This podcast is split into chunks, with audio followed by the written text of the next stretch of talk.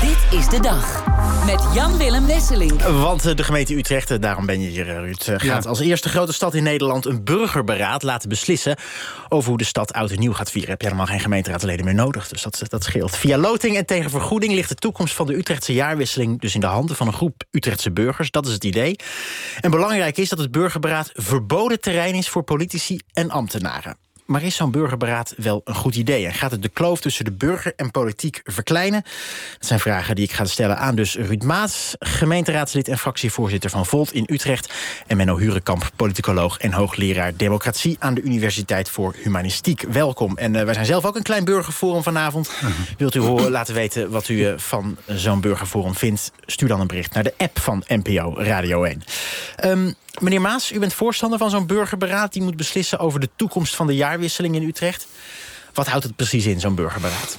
Nou, een burgerberaad bestaat uit een, een groep van zo ongeveer 100 eh, Utrechters in dit geval. Ehm, die samen met ambtenaren, experts, eh, mensen die ze uitnodigen... eh, gaan nadenken en praten over van nou, hoe moet dat nou met de jaarwisseling? En Ja. wat kunnen we nou doen om eh, dat in Utrecht goed te laten verlopen? Daar is blijkbaar behoefte aan. Oh, ja, want dat behoefte onder de gemeenteleden? Of waren er burgers die zeiden wij willen hierover praten? Nou, er is veel, er is veel over te doen altijd eh, eh, in Utrecht over de jaarwisseling. Er is gedoe met eh, relletjes, met vuurwerk, wel of geen vuurwerk.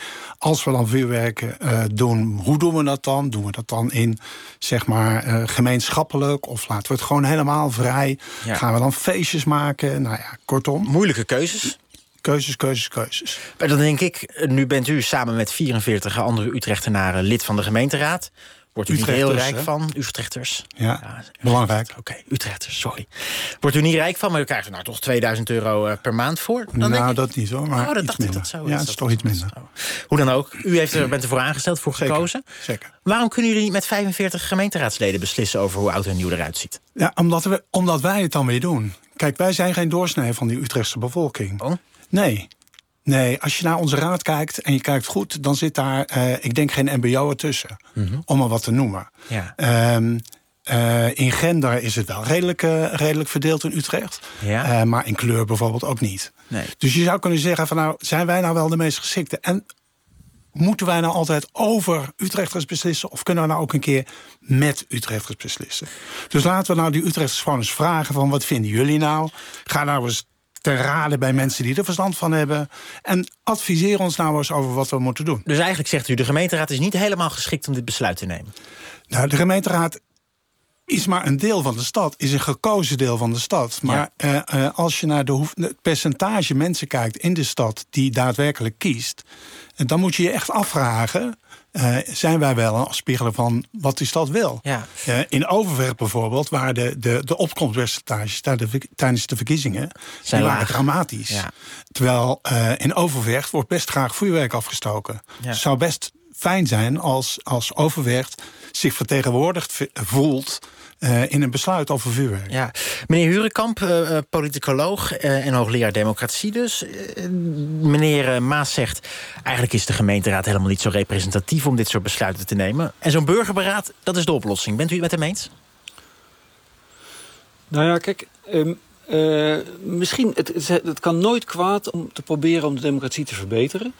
Ehm, en beraden kunnen on- onwijs leuke aanvulling zijn. Maar tot nader orde zijn de, de gekozen organen, of het nou de gemeenteraden zijn of de, of de Tweede Kamer, of de Provinciale Staten, tot nader orde zijn dat wel de meest representatieve organen die we hebben. En, en ook de enige plekken waarvoor we alle burgers uitnodigen van ga maar even zeggen wat je vindt. En dan eh, over vier jaar mag je het nog een keer doen. Ja. En eigenlijk is de, de kern van het idee toch dat er dan ook ergens in zo'n programmaatje staat van vuurwerk ja of nee. En dan, nou, dan kun je dat mee laten wegen in je stem. Van ja, liever geen vuurwerk of nou, liever wel vuurwerk.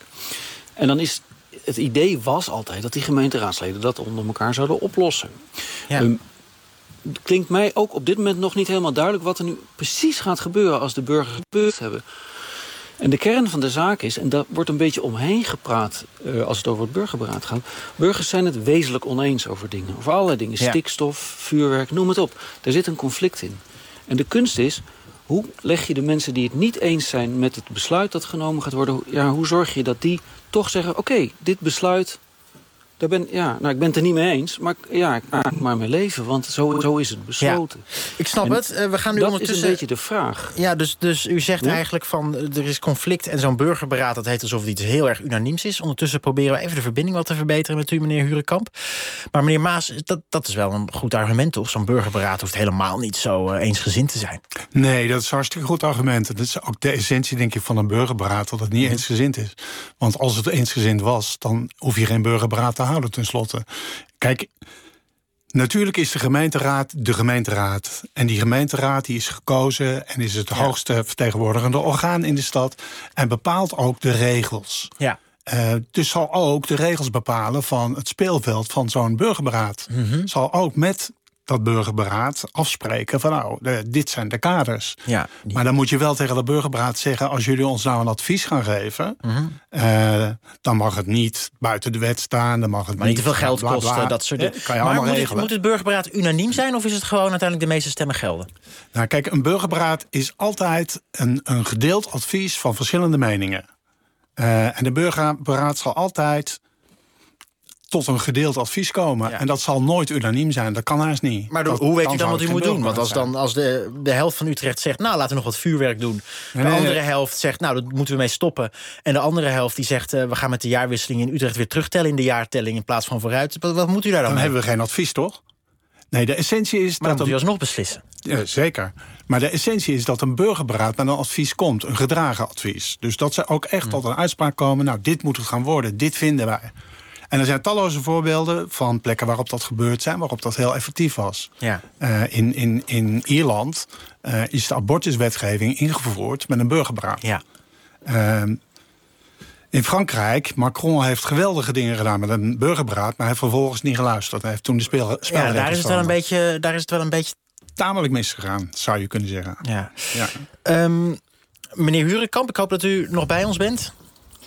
Ik hoop het ook. Ja, maar, het, eh, eh, we gaan het ben, proberen. Ben ik hoorbaar? Ja, u bent zeker hoorbaar. Anders burger, Als- burger, burgerberaadje over de kwaliteit. Ja, Eh, daar eh, moeten we het nog eens goed hebben, over hebben hier op, eh, op Radio 1. Maar dat, dat gaan we zeker doen. Ehm, ehm, eigenlijk zegt meneer Maas, ja, zo'n zo'n groep burgers die er met z'n allen uitkomt...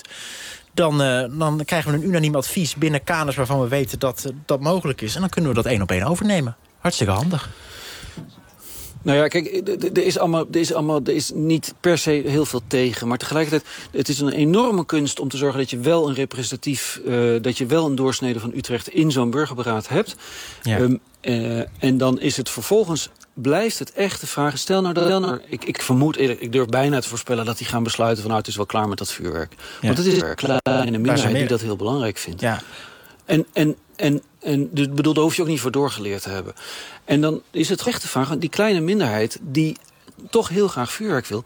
Zal die daar dan wel tevreden mee zijn? Zou die er niet ook al te... Ja, het is Ja. eh, hoe, hoe genereer je het gevoel bij die kleine minderheid... van ja, het spijt ons jongens, maar jullie, hebben je, ja, jullie beurt is voorbij. Ja. Het mag niet meer. Hoe doe je dat, en waarom zou dat niet... Nou ja, dat, dat, dat weet ik eerlijk gezegd ook niet. Want Mhm. eh, eh, hier zit een aanname in dat het een kleine minderheid is. Ik vraag me af of dat ook werkelijk zo is. Dat is één. Ehm, en als, Als het een grote minderheid is, is het probleem alleen maar groter. Een grote minderheid, ja, nee, daar heb je gelijk in. Maar ik, ik denk dat, eh, Ja. dat het wat dichter bij elkaar ligt dan, eh, dan we hier aannemen. Ehm, maar inderdaad hoor, ik ben het ermee eens. Als je een burgerberaad gaat inzetten voor iets eh, eh, waarvan je de uitslag al weet, moet je niet doen. Ja. Dan is het geen geschikt instrument. Nee, nou, het gaat nu in ieder geval eh, geprobeerd worden. Want dat burgerberaad dat gaat er komen. Dat wil de gemeenteraad graag. En wij hebben in ieder geval een klein beetje een beeld kunnen krijgen... van hoe dat eruit moet gaan zien. Dank voor dit gesprek. Ruud Maas, fractievoorzitter van Volt in Utrecht... en politicoloog Menno Hurenkamp. En dit was de dag voor vandaag zometeen. Dan hoort u het Misdaadbureau. Maaike Timmerman presenteert en haar gast is Frank Weerwind... de minister voor Rechtsbescherming. En om half negen dan zijn wij er weer. Dan met Langs de Lijn en Omstreken. Daarin natuurlijk voetbal en ook ons wekelijkse nieuwsforum. Heel graag tot dan. Ik wens u een mooie avond. Dag. Dit is de dag is een programma van de EO.